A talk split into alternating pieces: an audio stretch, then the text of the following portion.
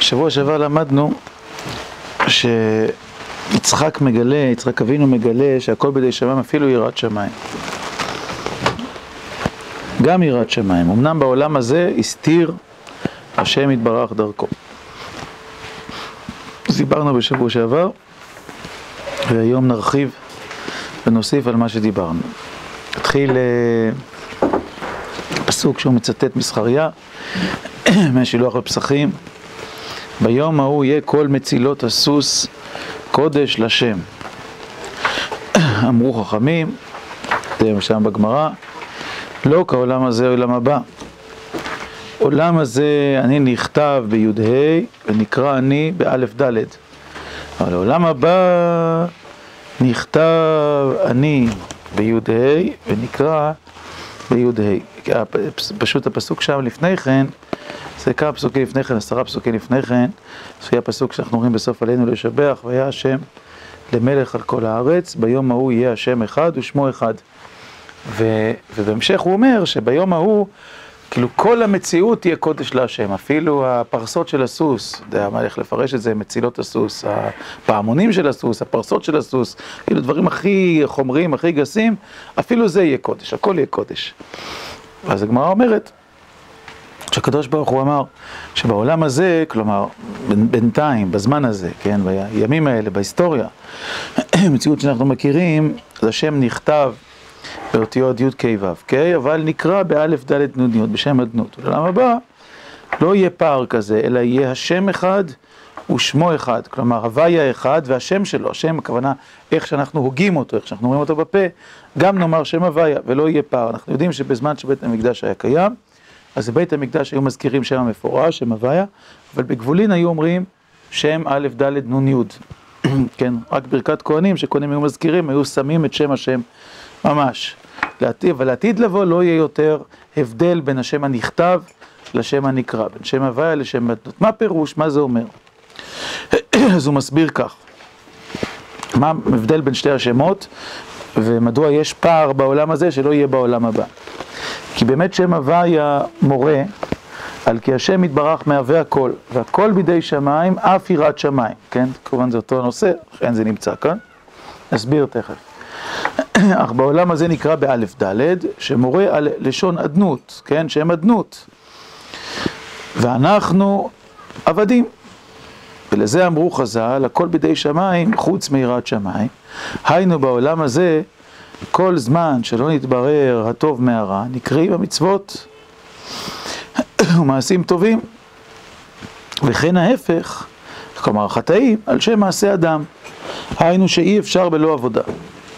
אבל לעולם הבא, כשנשלם הבירור, אז יהיה השם אחד ושמו אחד, שיהיה הכל בידי שמיים, ויהיה הקריאה גם כן בשם י"ה.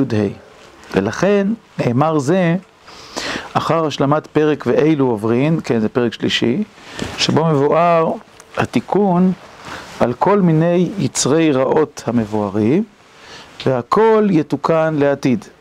וכן היה החטא של נדב ואביהו, שהיו חושבים בעולם הזה שהכל בידי שמיים, ואמרנו שזה לא נכון רק בעולם הבא, ולכן יש בפרשת שמיני צדיק א', זה 91 פסוקים, כמניין שני השמות הוויה ואדנות, שני השמות האלה ביחד הם 91, דהיינו שיקבע בלב כל אחד השני שמות הללו, שם הוויה ושם אדנות. אז קודם דיברנו כמה פעמים, רק נגיד באופן כללי, בדרך כלל בתורה מופיע שם הוויה, כלומר יש מקומות שמופיע שם אלוקים, אבל זה עניין אחר. אבל כשפנייה בשם המפורש מופיע שם הוויה. אמנם אנחנו מוצאים כמה פעמים שאדם פונה לקדוש ברוך הוא בשם אדנות, כמו פרשת שבוע, שאברהם אבינו פונה לקדוש ברוך הוא בשם אדנות, נכון? ויאמר א' ד' נ' י', ויאמר אדוני אם נא מצאתי חן בעיניך, אל נא תעבור מעל עבדיך, לא כתוב הוויה, כן, אלא שם אדנות. וכן משה רבינו, שהוא פונה לקדוש ברוך הוא אחרי 13 מידות, אז הוא משתמש בשם אדנות. וכן יש דוגמאות בודדות. בכל אופן, אנחנו יודעים שזה דבר, מעשים שבכל יום, כולנו מכירים את זה, שאנחנו גם בתורה וגם בסידורים, אז כתוב לפנינו שם הוויה, י' כ' ו' כ', ואנחנו לא מבטאים שם הוויה, כלומר באיזושהי צורה של אמירת ההוויה, כן, איזושהי צורת ההגייה, אלא אנחנו משתמשים בשם אדנות, ויש ביניהם הבדל במשמעות, וכמובן שאם השם כתוב י' ק' ו' ק', אז היה צריך לקרוא אותו באיזושהי צורה, באיזושהי הטיה של הוויה. ולא כן אנחנו עושים, ברור שאנחנו קוראים אחרת, זה לא ששם אדנות זה איזה צורה אחרת של הגיית השם, אלא זה נתינת משמעות אחרת, פירוש אחר לשם, וזה דבר שצריך להבין אותו. אז האיש ביצר מסביר כך, נסביר את ה... כאילו, איך, איך הוא קורא את זה. הוא אומר, נתחיל משם אדנות, שזה דבר יותר פשוט. שם אדנות מבטא את מערכת היחסים של אדונות, של ריבונות. הקדוש ברוך הוא אדוננו, ריבוננו, מלכנו, ואנחנו עבדיו, נתיניו, אזרחיו, אפשר להשתמש בכל הביטויים האלה, זה לא משנה. עכשיו, בתוך המערכת היחסים הזאת, שהיא מערכת היחסית, מערכת יחסים שבה יש אדון ויש עבד, יש מלך ויש אזרחים, יש מושל ויש אזרחים, מלך ונתינים, מושל ואזרחים, לא חשוב. אז ברור שאנחנו זה לא הקדוש ברוך הוא, הקדוש ברוך הוא זה לא אנחנו, והקשר בינינו מתקיים, קשר בין שניים, מתקיים על זה שהקדוש ברוך הוא מצווה, מחוקק חוקים, מצווה אותנו לעשות אותם, ואנחנו מקיימים מצוותיו. הערך של המצוות, שקיום המצוות זה הנכונות שלנו לקיים אותם. וכמובן שבמערכת יחסים כזאת, שבו יש קיום נפרד, נבדל, של האלוקי והאנושי, של המלך ואזרחיו, של האדון ושל עבדיו, אז ברור שהמשמעות של קיום המצוות נובעת מזה שיש לאדם בחירה. והאתגר של האדם זה להצליח בבחירתו, לעבוד את השם, להיות עובד, כן? עבד עובד, או אזרח ששומר חוק, או כן וכולי וכולי. זאת אומרת, מערכת היחסים שבאה לידי ביטוי בכינוי אדון כלפי שמיא, ריבון כלפי שמיא, שאנחנו קוראים לו אדון, היא מערכת יחסים שא' קובעת את הנבדלות שבינינו לבין האלוקות, ב' משאירה אותנו במקום שבו יש לנו בחירה, חירות, ג' שמה את הקדוש ברוך הוא במקום שבו הוא מופיע כמצווה כלפינו, ד' נותנת את הערך לקיום המצוות מתוך שאנחנו בוחרים לקיים מצוותיו, או חלילה, נכשלים, אז אנחנו עוברים עבירות, אבל זו תוצאה של מה שאנחנו עושים. אז זה, זה ב, ב, אומר האיש ביצר, זה שם אדנות. ושם אדנות הוא השם שעל פי דברי חז"ל במסכת פסחים, שמורה על העולם הזה. העולם הזה והעולם הבא, זה כמובן דברי חז"ל תמיד, לא רק במקרה הזה, לא העולם שבחיים והעולם שאחרי המוות. העולם הבא זה העולם שבו ההיסטוריה מגיעה לידי שלמות, עולם של גאולה, עולם של ימות המשיח, כן? זה, בלשון חז"ל, העולם הבא זה תמיד ככה, כן? אין בין עולם הזה לעולם הבא, אה, אלא שיעבוד מלכויות בלבד, כן? שחז"ל אומרים, עולם הבא זה, זה עולם שבו ההיסטוריה מגיעה לידי מיצויה, שאדם מגיע לידי שלמות.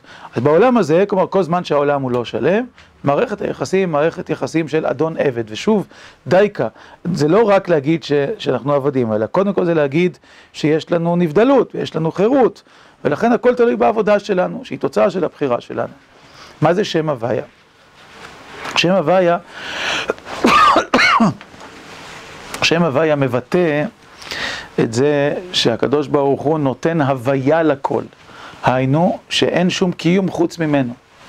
הוא מהווה את הכל, כן? השימוש בתואר ההוויה כלפי שמיא משמעותו שעצם ההוויה, האפשרות להיות, וגם כל דבר שהווה, אה, קשור בזה שהקדוש ברוך הוא נותן לו את כוח ההוויה, הוא האיכות של ההוויה, הוא הרצון ההוויה, כן? אפשר לתת במילים שונות. היינו, כשאנחנו אומרים שהקדוש ברוך הוא, הוא כאילו נכתב בשם הוויה, או ששמו, שם, שם, שם העצמי שלו, שם המהות שלו הוא שם הוויה, אנחנו רוצים לבטא את זה שכל מציאות אין לה קיום, אלא מהימצאו. ולא רק, אפשר להגיד, אולי זה הרמב"ם מתכוון לזה, אבל לא רק במובן ההיסטורי, הבריאתי, שכמו שהרמב"ם אומר, וכל הנמצאים לא נמצאו אלא מאמיתת הימצאו, כלומר ברגע הבריאה, אלא שבכל רגע ורגע, בכל זמן וזמן, אין שום הוויה יכולה להיות, אלא מכוח ההוויה האלוקית. הקדוש ברוך הוא מהווה את הכל. את עצם הקיום, עצם המציאות היא אלוקית. עכשיו, השימוש בשם הוויה, קודם כל משמעותו, אני רוצה עכשיו להשוות דבר לדבר. קודם כל, משמעותו, שאין אה, הוויה אנושית והוויה אלוקית. גם ההוויה האנושית היא אלוקית. שהרי אין הוויה אנושית, בלי, אין קיום אנושי, מציאות אנושית, בלי ההוויה האלוקית. עצם ההיות, האפשרות להיות, קשור בחיוניות האלוקית, ברצון האלוקי, כן? ובלי זה אין שום קיום. אז כשאנחנו משתמשים בשם הוויה, אנחנו מבטלים את השניות. זה לא שיש אדם ויש אלוקים, אלא גם האדם מקבל את כוחו לחיות, את הרצון שלו, את החיות שלו, מלמעלה, מהאלוקות, ולא, ואין לו, חיות חוץ ממנו. זה, זה כשאנחנו משתמשים בשם הוויה. שם הוויה, כשאנחנו משתמשים בו, אנחנו לא אומרים שיש אה, אלוקים, יש הקדוש ברוך הוא, יש ריבונו של עולם וכולי, ויש אנחנו, אלא אנחנו מבטאים את זה, בזה, את זה שכשאנחנו, כשעצם זה שאנחנו קיימים, הקיום שלנו, האפשרות שלנו להגיד את שם הוויה, זה מכוח ההוויה שלו, מכוח, מכוח הקיום שלו. במובן זה, אמירת השם אמירת שם הוויה היא שונה לגמרי מאמירת שם אדנות. כי שם אדנות זה לעמוד לנוכח, זה לעמוד ממול. ושם הוויה זה כאילו, לב, כאילו לבטל, לתת תיאור לעצם הקיום שלנו, לאפשרות של הקיום. הוא נאמר מבפנים, הוא לא נאמר מול, אלא נאמר מתוך. דבר אחר לגמרי. טוב, לענייננו, לסוגיה של, של הבחירה, או של הגזרה האלוקית, אה, מה זה משנה? כשאני מדבר בשם אדנות, אני מדבר מתוך עולם שבו אדם נבדל מאלוקים. להגיד שאדם הוא עבד, זה בעיקר משמעותי כאן, לא כדי להגיד שהוא כפוף לקדוש ברוך הוא, זה חלק מהבחירה שלו, אלא קודם כל להגיד שהוא נפרד ממנו. שבמה אדם נפרד מהאלוקים? בזה שיש לו בחירה.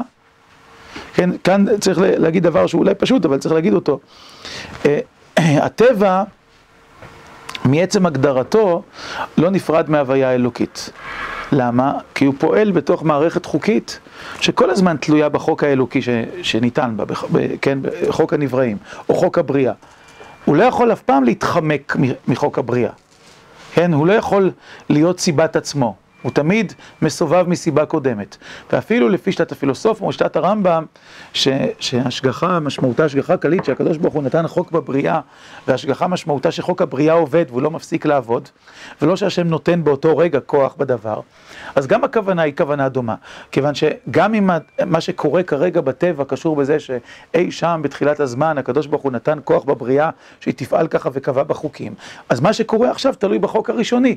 בשום שלב, בשום רגע לא היה איזה רגע שבו הטבע או חלק בטבע עמד בפני עצמו ואמר אני רוצה להיות סיבת עצמי, עכשיו אני חורג. כן, אני יוצא החוצה, הוא לא יכול לעשות את זה. ולכן כל מה שקורה בטבע בכל רגע הוא תוצאה של הבריאה ושל החוקים שניתנו בבריאה, או לפי גישת המקובלים, חסיד, מה שכתוב כאן וכולי, הכוונה היא גם שהקדוש ברוך הוא מהווה ברגע הזה ממש את הבריאה ונותן בה כוח על פי החוקים שלה. ובלי ההוויה שלו שום דבר לא יקרה. לכן הטבע הוא באמת תמיד מופעל מכוח הרצון האלוקי, בין אם זה הרצון הקדום ובין אם זה הרצון שבהווה. היא לא יכול להיות אחרת. במה האדם נפרד, אם הוא נפרד? הוא נפרד בזה שיש לו בחירה. מה פירושו של דבר להיות בוחר? פירושו של דבר שהאדם הוא סיבת עצמו, או לפחות הוא יכול להיות סיבת עצמו.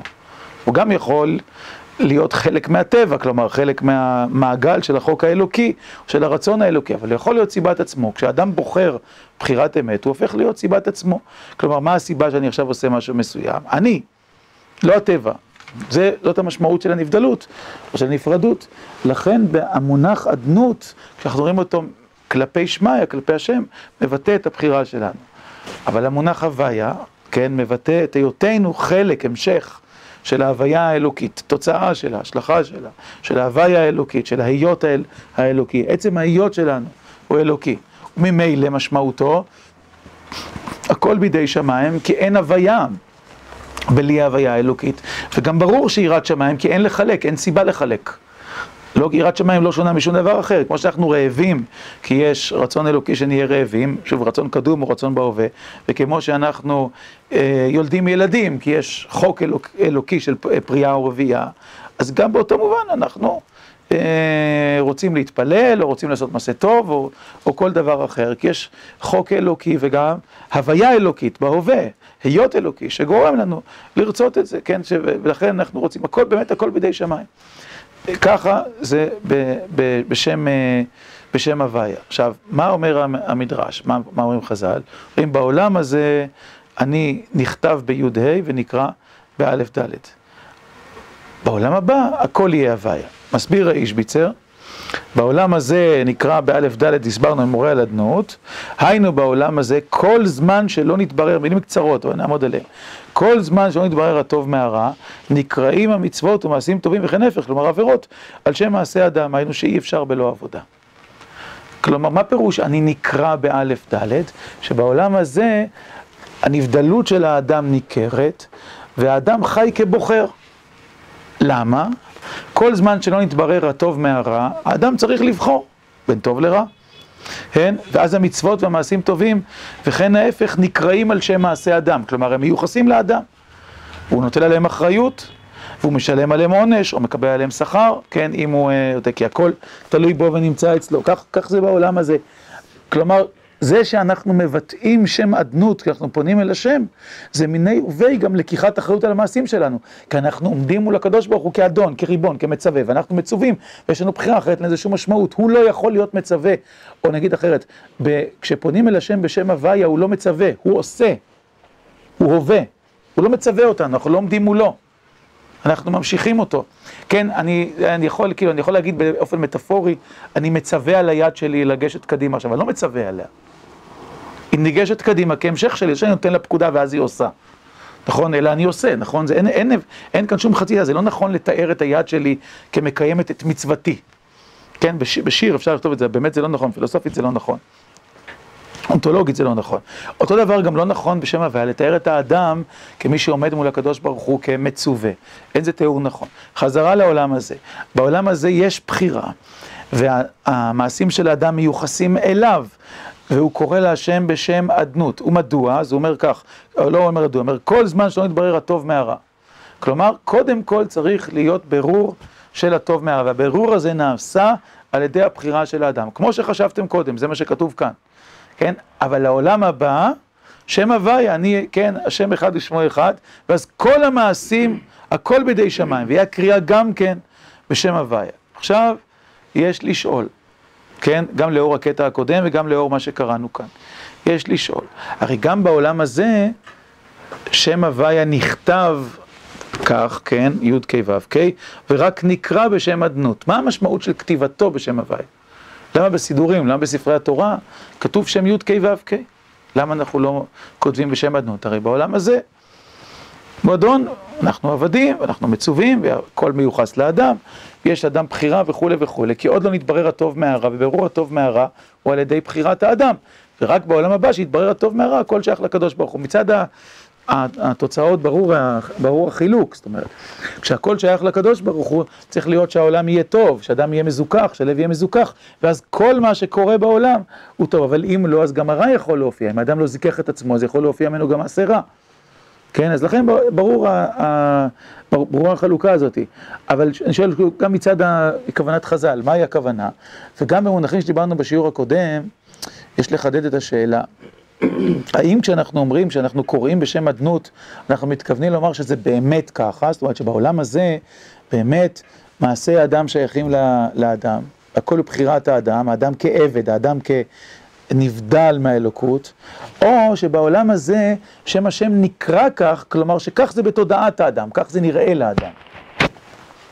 הרי בפסקה הקודמת, בתורה הקודמת, הוא אמר ורק בעולם הזה הסתיר השם יתברך דרכו. נכון? זה, ה, זה הביטוי של זה. כן? הסתיר השם יתברך דרכו.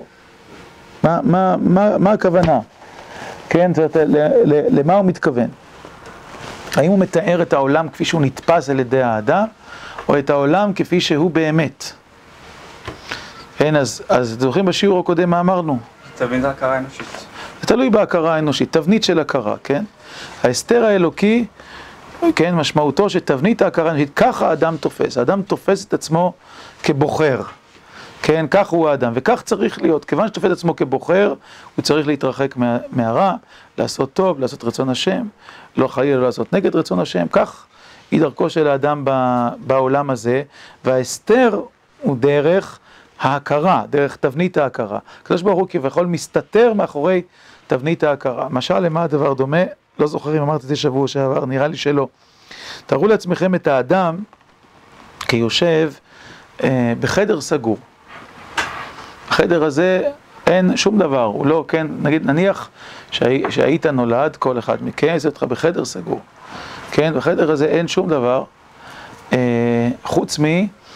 אה, כל מיני מכשירים, אפשר לתאר אותם כמצלמות שמצלמות את העולם, או טלסקופים וכולי וכולי, ונותנים לך לפגוש את העולם רק דרך המכשירים האלה. ככה אתה רואה את העולם. כן? עכשיו, המכשירים האלה הם מכשירים שמאבדים את הנתונים של העולם, וגורמים לעולם להיראות באופן מסוים. אפשר לאבד אותם אחרת, אבל ככה, כן, התסריטאים, או לא יודע, המדענים, שיתר שאתם רוצים, כן, ככה הם רוצים שהעולם ייראה לך, כן, אז הם מאבדים את כל נתוני העולם ומקרידים לך כל הזמן לתוך החדר כל מיני סרטים, שאתה מכיר את העולם באופן הזה. עכשיו, מה יקרה אם יום אחד האדם הדמיוני הזה שיושב בחדר יצא מהחדר, מה הוא יראה? האם הוא יראה את אותו עולם או יראה עולם אחר? האם הוא ישמע את אותו עולם, ישמע עולם אחר, האם הוא יתפוס את אותו עולם, או יתפוס עולם אחר. זאת העולם מסתדר לנו בצורה מסוימת, כתוצאה מזה שכביכול ההכרה שלנו היא חדר סגור כזה, שבתוך החדר הזה אנחנו מקבלים רשמים מסוימים. עכשיו, החושים שלנו, והמוח שלנו, וההכרה שלנו, כן, התבונה שלנו, היא סוג של חדר סגור כזה, שלתוכו אנחנו מקבלים את הדברים באופן מסוים. אבל אנחנו יכולים לקבל אותו אחרת, כך זה לגבי כל מה שאנחנו תופסים. כן, זה, זה, כמובן יכול להיות אה, קשור גם לדברים הכי הכי בסיסיים. זאת אומרת, אפילו העובדה הפשוטה שעכשיו כשאני מסתכל על החדר, גם אתם, זאת אומרת, לא רק אני, אני מדבר רק על עצמי, אבל זה גם אתם, אין לכם ברירה, אתם לא יכולים אחרת, מבטיח לכם. אז אני רואה כוס ושולחן ומכשיר הקלטה ועוז ועט ותיק, נכון? זה, ואני, ברור לי שזה מכשיר הקלטה, וזה עוז וזה תיק וזה דברים אחרים, זה לא אותו דבר, כן? יש הפרדה, אבל, אבל יכולה להיות אה, אה, תודעה, יכולה להיות תבנית של הכרה, ויכול להיות שבעלי חיים, ש, כן, ש, שככה תופסים, שבשבילם כל זה רצף צבעוני. של צורות וחפצים שהם יש, בעלי קושי שונה, או כן, מרקם שונה וכולי וכולי. נגיד אם עף פה איזה זבוב, אני יודע או איזה חרק, אני לא יודע, יכול להיות שהוא אין לו עוז ואין לו תיק ואין לו כוס ואין לו זה וכולי וכולי, יש לה, הוא רואה צבעים וכל מיני עצמים וכולי, והוא צריך לדלג ביניהם. ואין שום משמעות למה שאמרתי קודם. עכשיו, למה אני יודע שכל דברים האלה אחרת? כי יש לי תבנית מסוימת שמחלקת דברים לקטגוריות, שימושים, מגדירה אותם וכולי וכולי. אגב, לדעת אה, טובי הפסיכולוגים, זה המצב אצל תינוק בהכרה שלו. הוא לא יודע לעשות הפרדות כאלה. אלא כל העולם הוא זה סוג של אחדות שמתחלקת לפי תחושות שונות, צבעים שונים וכולי. לא יודע להגיד שזה זה וזה לא זה, שולחן וכולי. אז אנחנו, בתבנית ההכרה שלנו, יודעים לחלק דרך הגדרות של הדברים, דרך התפקידים, דרך האופן שבו אנחנו מתייחסים אליהם וכולי. ולכן מיד כשאני מסתכל על החדר, ברור שאני רואה עכשיו, נגיד כמה עשרות חפצים או יותר, מאות, כן, אני יכול לחלק את כל הדברים וכולי, אבל זה לא חייב להיות ככה. רק צורה מסוימת של תפיסה. באותו מובן, אבל אה, עם משמעות רדיקלית לא פחות, אולי יותר וכולי. אומר האיש ביצר, ההכרה שלנו גורמת לנו לראות את עצמנו כנבדלים, ולראות את המעשים שלנו כתוצאה של בחירה. עכשיו, אנחנו מודעים מספיק היום כדי לדעת שברור שחלק מהמעשים שלנו הם לא באמת תוצאה של בחירה. זאת אומרת, כל אחד מכם חייב להודות, אפילו אני, כן, כולנו חייבים להודות, כן, שיש מעשים שלנו שהם רק נדמים לנו כבחירה, ברור שאנחנו לא בוחרים באמת.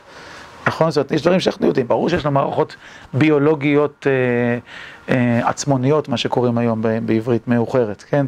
זאת אומרת שהן פועלות באופן אוטומטי, נכון? אנחנו יודעים שעכשיו, תוך כדי, אנחנו נושמים ואדם זורם, נכון. ברור לנו גם שהרעב שלנו הוא לא כל כך בחירה, נכון? וחלק מהתגובות שלנו לפעמים הן תגובות אה, שהן תוצאה של תהליכים כימיים ושל מצבי, מצבים פיזיולוגיים מסוימים, ברור לנו, כאילו, אין לנו ספק. וחלק הן תוצאות של מערכות פסיכולוגיות שפועלות בתוכנו, שאנחנו בעצם, כשאנחנו מסתכלים עליהן, אנחנו פשוט פועלים, אנחנו לא, לא היה איזה רגע של... של בחירה. האיש ביצר אומר, בסדר, זה תבנית של הכרה, אנחנו יודעים לעשות את החלוקה הזאת, אבל לאמיתו של דבר, אולי הכל, למה לחלק? האם החילוק הזה, זאת אומרת, האם העובדה ש, שישנם רגעים שבהם התבונה כאילו מתרכזת בתוך עצמה, הנשמה חושבת את עצמה, ואומרת, עכשיו אני עושה ככה, עכשיו אני עושה ככה, עכשיו אני בוחר בטוב, עכשיו אני בוחר ברע, עכשיו אני מחליט לאכול, עכשיו אני מחליט לא לאכול, אני כן מברך, אני זוכר לברך, אני מברך מהר, אני מברך לאט, אני וכולי וכולי. האם הרגעים האלה שונים מהרגעים האחרים שבהם אנחנו נרדמים, מתרעבים, כן, או מתאווים, או לא יודע, כל מיני, כל הדברים שקורים לנו, כן? וכולי וכולי.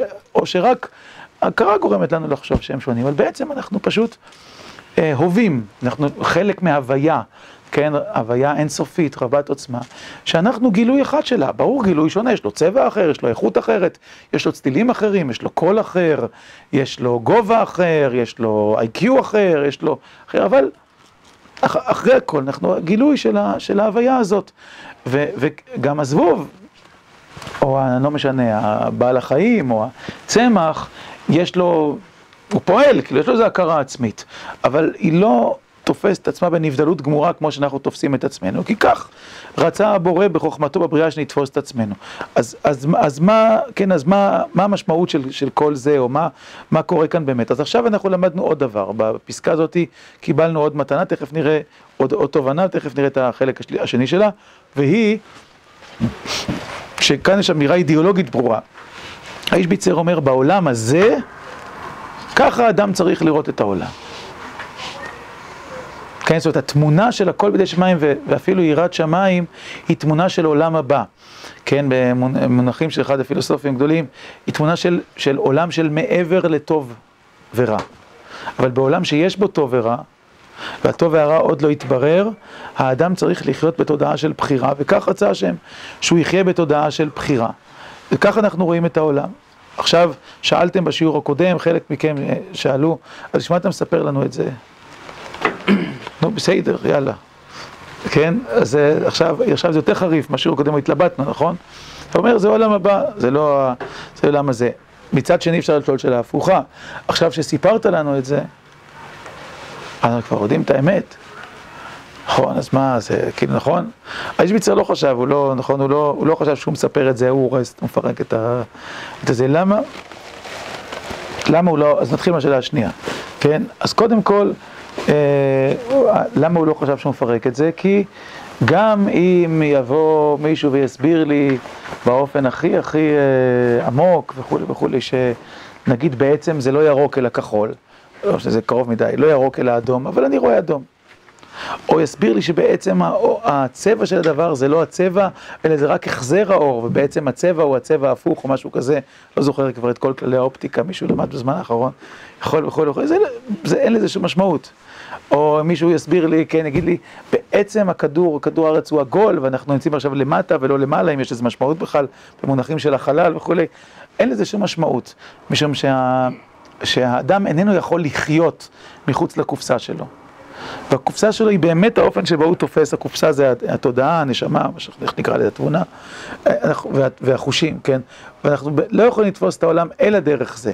ולכן, בגלל זה, אנחנו גם חייבים להיות נאמנים לאופן שבו אנחנו תופסים את זה. כי כשהאדם, אם אדם יגיד, מה זה משנה? במילא הקדוש ברוך הוא פועל וכולי.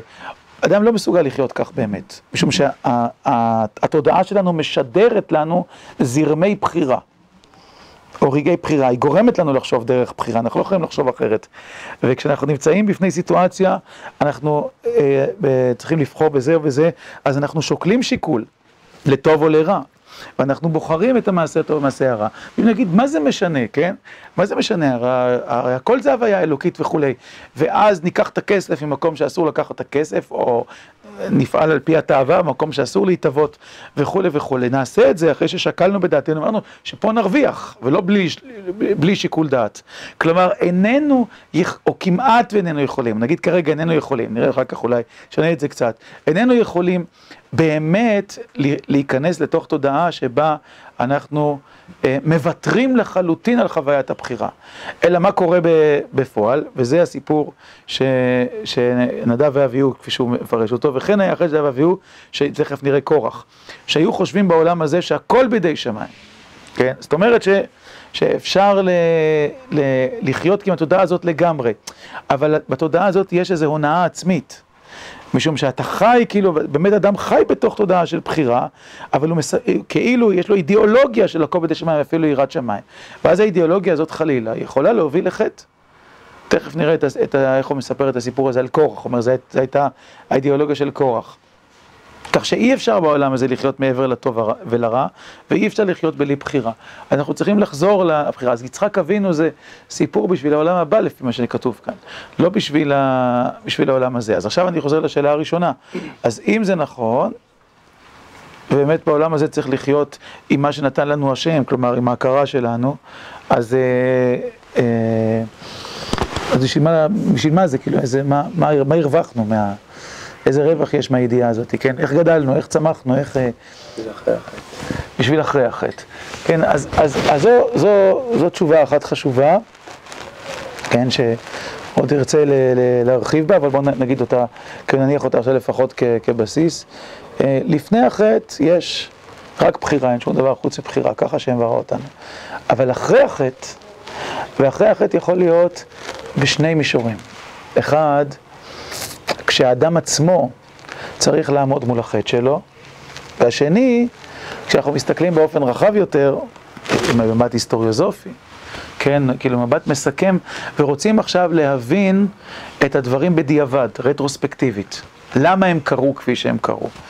עכשיו, לא השאלה מה אני צריך לעשות, אלא מה שישנו, למה ישנו כך ולא אחרת.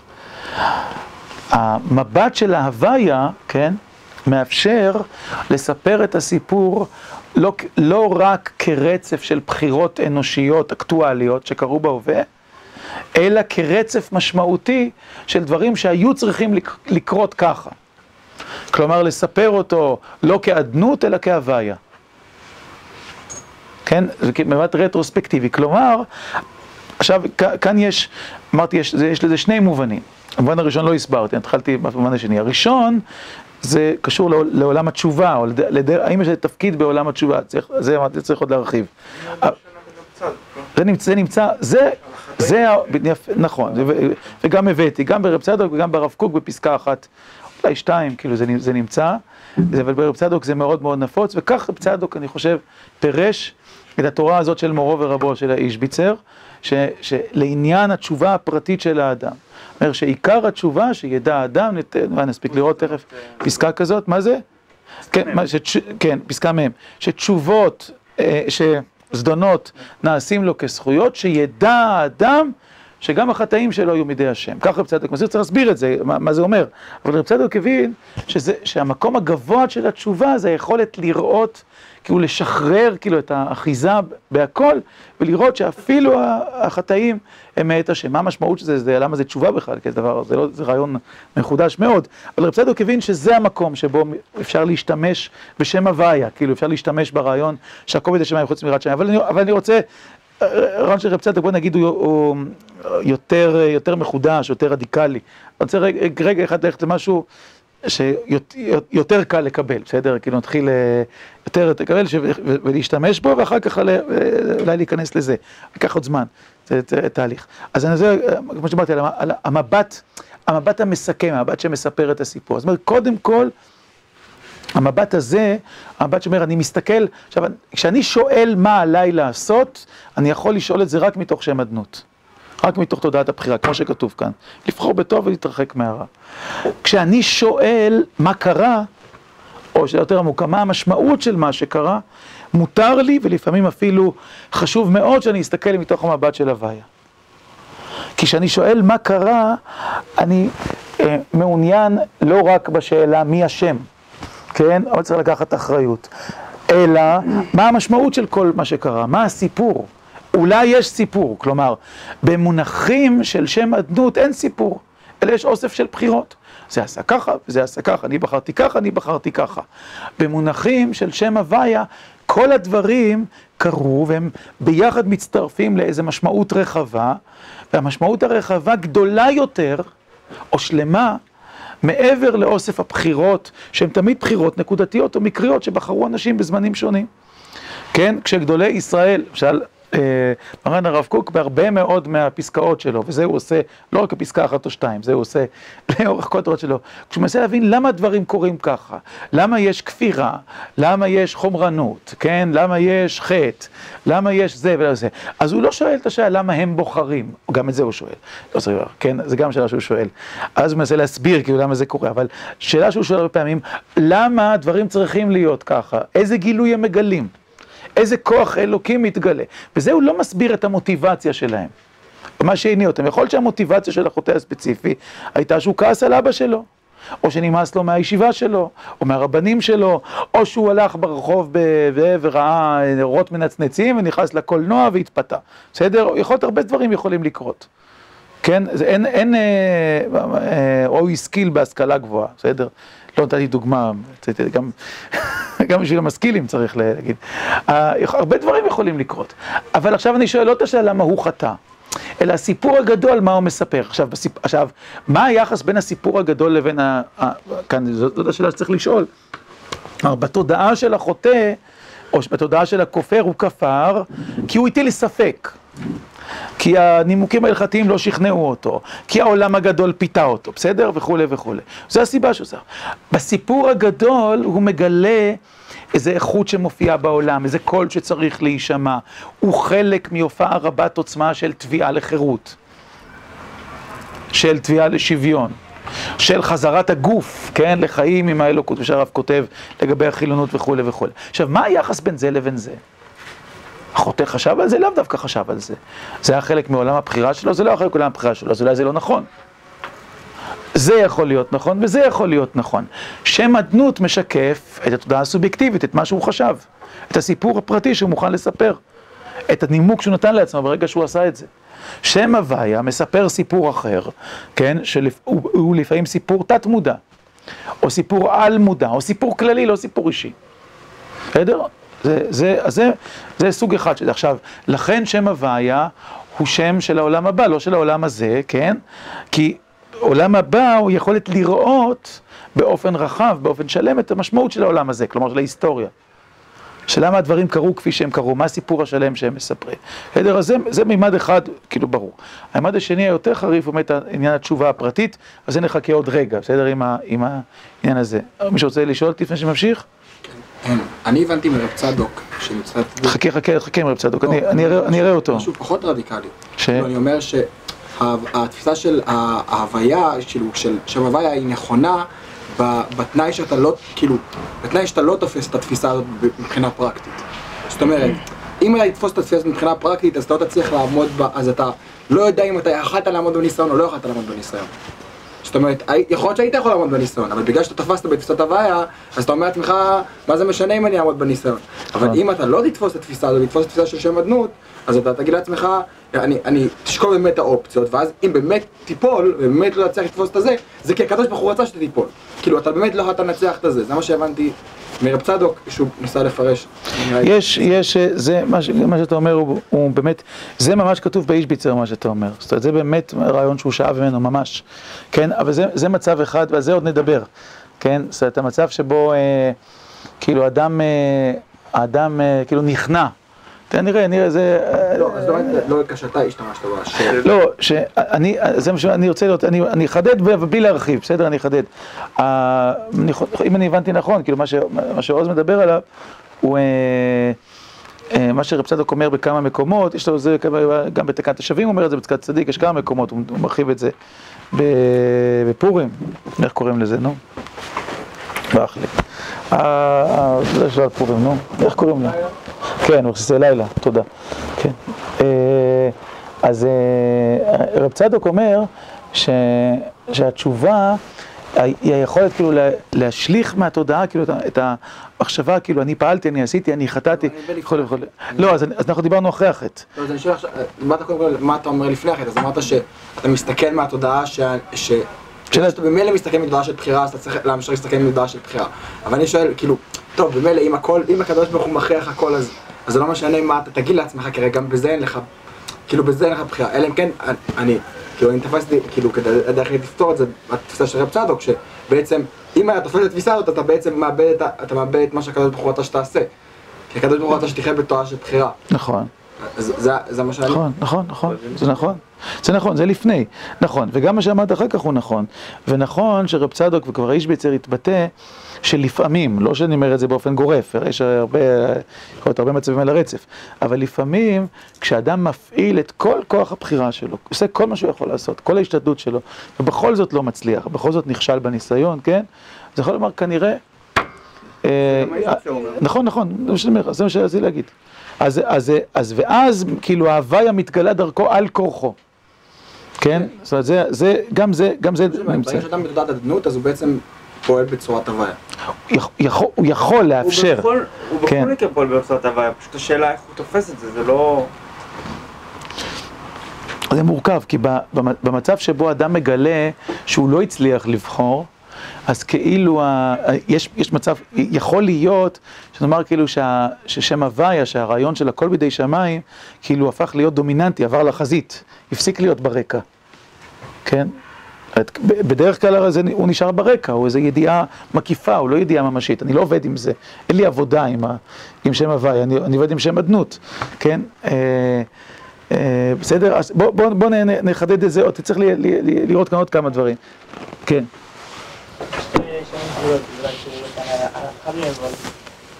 השאלה היא מה, לא הבנתי מה, למה היה קשה להגיד שהשם נתן לנו בחירה חופשית, זאת אומרת, מה, מה הנקודה שהפריעה, שכאילו, שגרמה, גרמה, אני רוצה להגיד שזה לא באמת, כמה לא להגיד שבאמת נתן לנו בחירה חופשית, מה, על מה זה עומד, כאילו ההבנה שהוא לא נתן לנו, כאילו התודעה שלנו. שאלה שנייה שבאמת נורא כללית, מה זה שונה מהאסלאם, כאילו רק בשביל ההבנה של ה... גם רואים כאילו מכתוב בעצם, באמת הכל כאילו בחירה, ואנחנו חיים פה איזשהו חיים, כאילו, זה גם, זה שהוא האסלאם, אם אני, בהבנה, זה כאילו בעצם הבנה שכלית שהשם עושה הכל, אבל חיים רגילים. כן, השאלה השנייה, ההבדל הוא מה שכתוב כאן. כן, זאת אומרת שהאישביצר אה, משאיר את התודעה הזאת כתודעת רקע או כתודעה מקיפה. אבל היא לא תודעת החיים, היא לא, היא לא, היא לא הדבר שאדם צריך לחיות איתו. אדם צריך לחיות עם תודעת הבחירה. כן, זה, זה, במובן הזה הוא, הוא, הוא, הוא מקיים את מה שחשבנו קודם. אלא שמסביב, את, את המחשבה הזאת הוא עוטף במחשבה של ההוויה האלוקית, המחשבה של הכל בידי שמיים. אה, אני חושב שזאת הנקודה היסודית. אה, זאת אומרת, הוא לא זורק את האדם כאילו להישען על, על הגזרה האלוקית, כאילו, כן, ויהיה מה שיהיה, כן? אה, השאל, לגבי השאלה הראשונה, אה, זאת שאלה חשובה מאוד. אני, נגיד כך, אני מכל כתביו מוצא רמזים, לא, כאילו, לא אמירה ברורה. כאילו, למה הוא חושב כך? אני חושב שיש פה אה, אה, איזה נגיד הצטרפות של מחשבה תיאולוגית ומחשבה אנתרופולוגית. זאת אומרת, מחשבה לאלוקות ומחשבה לאדם, כאילו שהוא בא אה, משני הכיוונים. זאת אומרת, באופן מאוד מאוד ראשוני, וזו בעיה שכבר הראשונים העלו אותה, אבל הם לא הגיעו למסקנה כזאת, כן? באופן מאוד מאוד ראשוני, אומר שבעצם המחשבה אודות האלוקות, מחשבה אודות האלוקים, כאילו היא מחייבת טוטליות, כן? יש משהו לא הגיוני, כן? לא עקבי במחשבה של הבחירה, כן? אה, או, או שאם אתה מוכן לקבל אותו לגמרי, אה, הוא אה, כאילו באמת יוצר עולם שהוא לא אלוקי, ממש לא אלוקי, כן? ש, שאין בו נוכחות אלוקית. וזו מחשבה ש, ש, שקשה לקבל, שיש ביצר לא רצה לקבל, או לא יכול היה לקבל. כלומר, שבאמת הקדוש ברוך הוא אין עוד מלבדו, ולית אתר פנוי מיני, והוא מלא כל עלמין, כן? והביטויים האלה הם ביטויים ממשיים, לא בגלל שהם כתובים, אלא בגלל שהם מבטאים את זה ש... ש... שזה לא נכון, כאילו, לא נכון ברמה התיאולוגית ליצור הפרדה, כאילו, להגיד יש חציצה, פה זה לא אלוקות, פה זה דבר אחר. המבנה שהוא מציע הוא מבנה ש... שמייחס את ההפרדה לא למציאות אלא לתודעה, כן? זו מחשבה, זו לא מציאות. המציאות היא באמת כולה אלוקית, אבל התפיסה היא שזה לא אלוקי. זה, זה כיוון אחד. שבכיוון השני, אני חושב שהוא אה, תפס שהאדם שקרוע מאלוקים, כאילו שמחוץ לאלוקים, שהביטוי שלו, זה מקטין אותו מאוד. זה מחליש את, ה, את המקום של זה, כאילו, מה זאת אומרת, אני בוחר, כאילו, מכוח מה? כאילו, מאיפה האדם, כאילו, זה, כאילו, בא למקום הזה. המחשבה ש, שהאדם הוא פועל בתוך ההוויה האלוקית, שהוא חלק מההוויה האלוקית, היא מחשבה שנותנת לפעולה שלו ערך אלוקי, ערך אלוקי עצום, ערך אינסופי. כן, הפעולה שלו היא המשך של, ה, של, ה, של הפעולה האלוקית. עכשיו, מה המשמעות של זה שאני אדם? התודעה שלי. כן, האופן שבו אני תופס את, את מה שאני עושה, אבל בעצם אני, אני, אני שותף, אני נוטל חלק במשהו שהוא הרבה יותר מזה שאני מחליט, אני עושה וכולי, מה זה כבר היכולת של האדם לעשות. אני חושב שמשני המקומות האלה, כאילו שתי המחשבות האלה, אה, אה, הצטרפו אצלו, יש עוד מה להוסיף על מה שאמרתי, בסדר? זה לא, לא הכל. אה, עכשיו, עכשיו, ככה, פסקה על קורח היא פסקה שחושפת את הסכנה, כן? את, ה, את הבלבול שיכול להיות במחשבה הזאת. ויקח קורח, איתו במדרש. ממה נסמך פרשת קורח לפרשת ציצית? לפי שקורח לקח טלית שכולה תכלת ואמר, פטורה או חייבת? אז זה חז"ל אומרים, מה, מה חז"ל רצו להגיד בדימוי הזה? העניין בזה כי תכלת מורה על יראה, כן, תכלת אה, יראת שמיים, שמיים, כן? והנה קורח טען שיראת השם יתברך מפורשת לפניו והוא מבין שהכל בידי שמיים, אפילו יראת שמיים, כמו שיצחק מלמד, כמו שהעולם הבא אז הכל טוב, קורח הוא במדרגה מאוד גבוהה, ואם כן, איך יבוא לאדם שיעשה דבר נגד רצון השם יתברך? כיוון שהרצון והמעשה הכל מאיתו יתברך. ואיך יעשה דבר שלא לרצונו? ועל זה היה טוען שפטור מציצית, כי ציצית מרמזים על יראה, ובאמת, אה, עד כאן. עכשיו, אז למה טלית שכולה תכלת? טלית שכולה תכלת זה כאילו לתאר את כל האדם, להקיף את האדם בשמיים, באלוקות. זה, זה המשמעות של הדימוי. ציצית, שיש בה פתיל אחד תכלת, שמה את היראה כנקודת קצה, כמו שאנחנו לוקחים את הציצית, מסתכלים עליה, וראיתם אותו וזכרתם, אנחנו עומדים מול התכלת. היא מה שמשתקף לנו בתודעה, אבל זה לא אנחנו, זה לא זהות. טלית שכולה תכלת, זה אומר שכל האדם הוא תכלת, כל האדם הוא אלוקות. כוח אמר, לא צריך יראה. כי מה משמעותה של יראה? משמעותה של היראה זה לעמוד מול השם ולהגיד, אני צריך לעשות רצון אלוקים ואסור לי להחטיא אותו, ואני ירא פן אחטיא אותו. ואז אחטיא את עצמי, אחטיא את המציאות שלי, וכולי וכולי. אבל אם האדם כולו אלוקות, מה יש לו לירה? עצם זרימת חייו, עצם תנועת חייו, היא תנועה אלוקית. ועל זה היה טוען שפטור מציצית כי ציצית מרמזים על יראה. ובאמת רצון השם יתברך שבעולם הזה יהיה לעיני האדם. כלומר שבעולם הזה לא ת, ת, תפעל המחשבה שהכל בידי שמיים ואף יראת שמיים וכל מה שאדם עושה הוא אלוק, אלא שיהיה לעיני אדם כמו שאדם תופס שיש בחירה, כמו שכבר הסברנו. כן, כך רצה השם יתברך, כך בנה את התודעה שלנו. וזה שהיית בגמרא, יחזקאל התפעל על פני שור ונהפך לכרוב. כי שור מורה על חוכמה מבוררת מאוד, ובעומק הכל בידי שמיים, ובחירת האדם אינו רק כקליפת השום, ואינו רק לפי דעתו. כי השם יתברך הסתיר דרכו מבני אדם, כי יחפוץ בעבודת האדם, ואם יהיה הכל גלוי לפניו לא יצמח שום עבודה, כי למה יש לי לעבוד? כי אני באמת חלק מהאלוקות.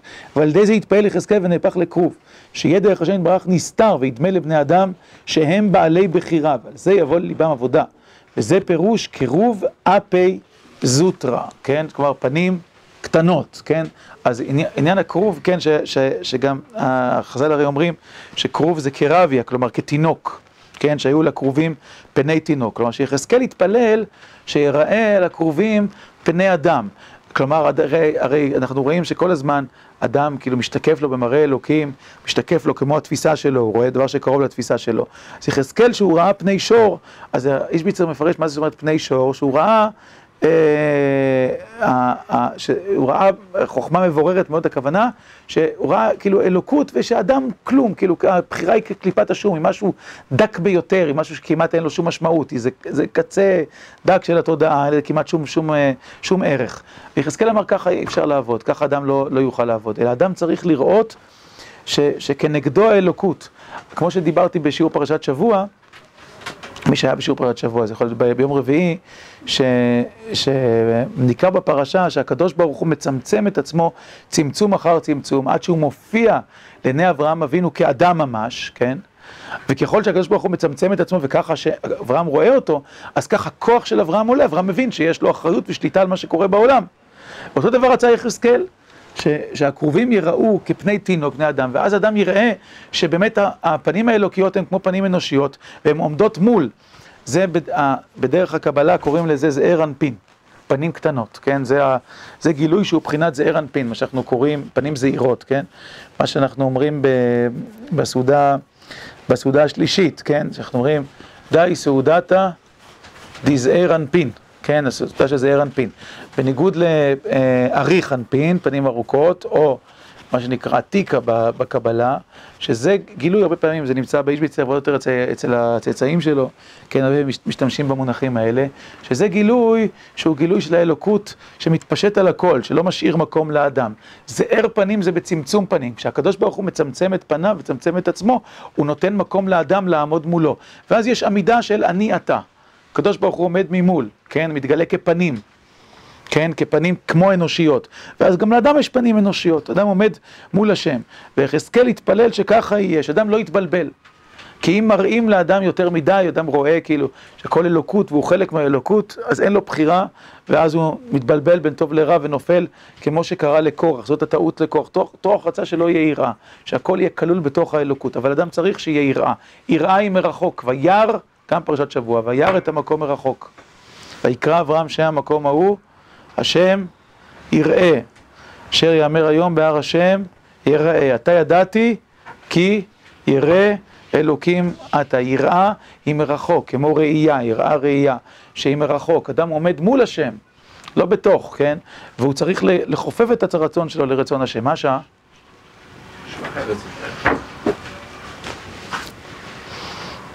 כן, צריך לסיים, נכון? יש לכם שיעור?